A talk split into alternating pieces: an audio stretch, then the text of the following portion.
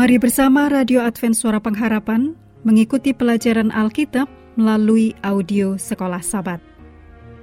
Selanjutnya kita masuk untuk pelajaran hari Rabu, tanggal 24 Januari. Judulnya Pembela dan Pembebas. Mari kita mulai dengan doa singkat yang didasarkan dari Mazmur 34 ayat 5. Aku telah mencari Tuhan, lalu ia menjawab aku dan melepaskan aku dari segala kegentaranku. Amin.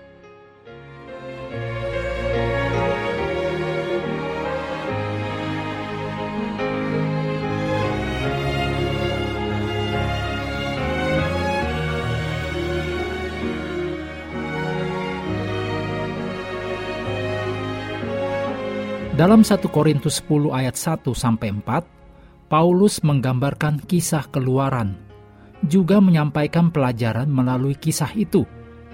Peristiwa penyelamatan Allah yang luar biasa untuk anak-anaknya dari perbudakan Mesir ini digambarkan secara puitis dalam Mazmur pasal 114. Sepanjang perjanjian lama dan bahkan perjanjian baru, pembebasan dari Mesir dipandang sebagai lambang kuasa Allah dalam menyelamatkan umatnya. Paulus dalam ayat-ayat ini di Korintus melihat seluruh kisah nyata pembebasan ini sebagai metafora, simbol keselamatan di dalam Yesus Kristus.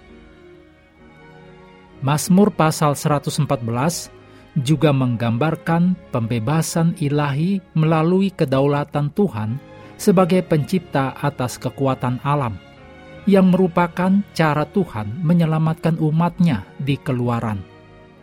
Laut, sungai Yordan, dan pegunungan, serta perbukitan secara puitis mewakili kekuatan alam dan manusia yang menentang Israel dalam perjalanan mereka ke tanah perjanjian ditulis dalam ulangan 1 ayat 44 dan Yosua 3 ayat 14 sampai 17.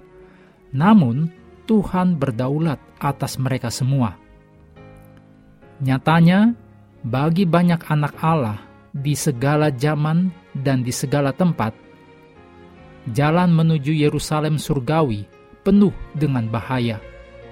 Mazmur mendorong umat percaya untuk melihat ke balik bukit-bukit dan ke arah pencipta langit dan bumi. Ditulis dalam Mazmur 121 ayat 1. Semangat Mazmur pasal 114 digunakan oleh Yesus saat menenangkan badai laut dan melalui pernyataan Yesus bahwa gereja tidak perlu takut karena dia, yaitu Yesus, telah mengalahkan dunia ditulis dalam Matius 8 ayat 23 sampai 27 dan Yohanes 16 ayat 33. Perbuatan besar Tuhan atas nama umatnya seharusnya mengilhami seluruh bumi untuk gemetar di hadirat Tuhan. Ditulis dalam Mazmur 114 ayat 7. Gemetar harus dipahami sebagai pengakuan dan penyembahan bukan sebagai ketakutan. Tulis dalam Mazmur 96 ayat 9 dan Mazmur 99 ayat 1. Dengan Tuhan di pihak mereka, orang percaya tidak perlu takut. Renungkan apa saja bahaya rohani yang kita hadapi sebagai orang percaya, dan bagaimanakah kita dapat belajar untuk bersandar pada kuasa Tuhan untuk melindungi kita agar tidak menyerah pada bahaya ini yang sama nyatanya bagi kita sekarang seperti pada zaman pemazmur.